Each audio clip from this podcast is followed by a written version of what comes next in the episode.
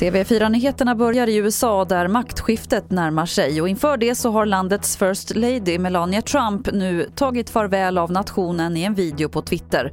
Hon fokuserade bland annat på vikten av att ta avstånd från hat och våld.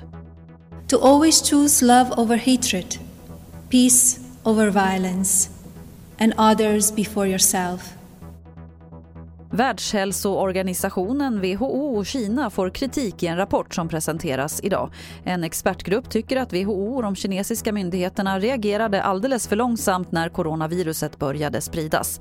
De säger bland annat att det fanns tidiga signaler som Kina borde ha reagerat på. Och till sist kan vi berätta att en mycket smittsam fågelinfluensa sprider sig i Sverige och har nu hittats på en stor värphönsanläggning i Kalmar län. Gården har spärrats av med en skyddszon på en mil omkring sig och man har börjat slakta höns. Det är den femte gården som drabbas den här säsongen. Alla tidigare fall har varit i Skåne. Det var det senaste från TV4 Nyheterna. Jag heter Lotta Wall.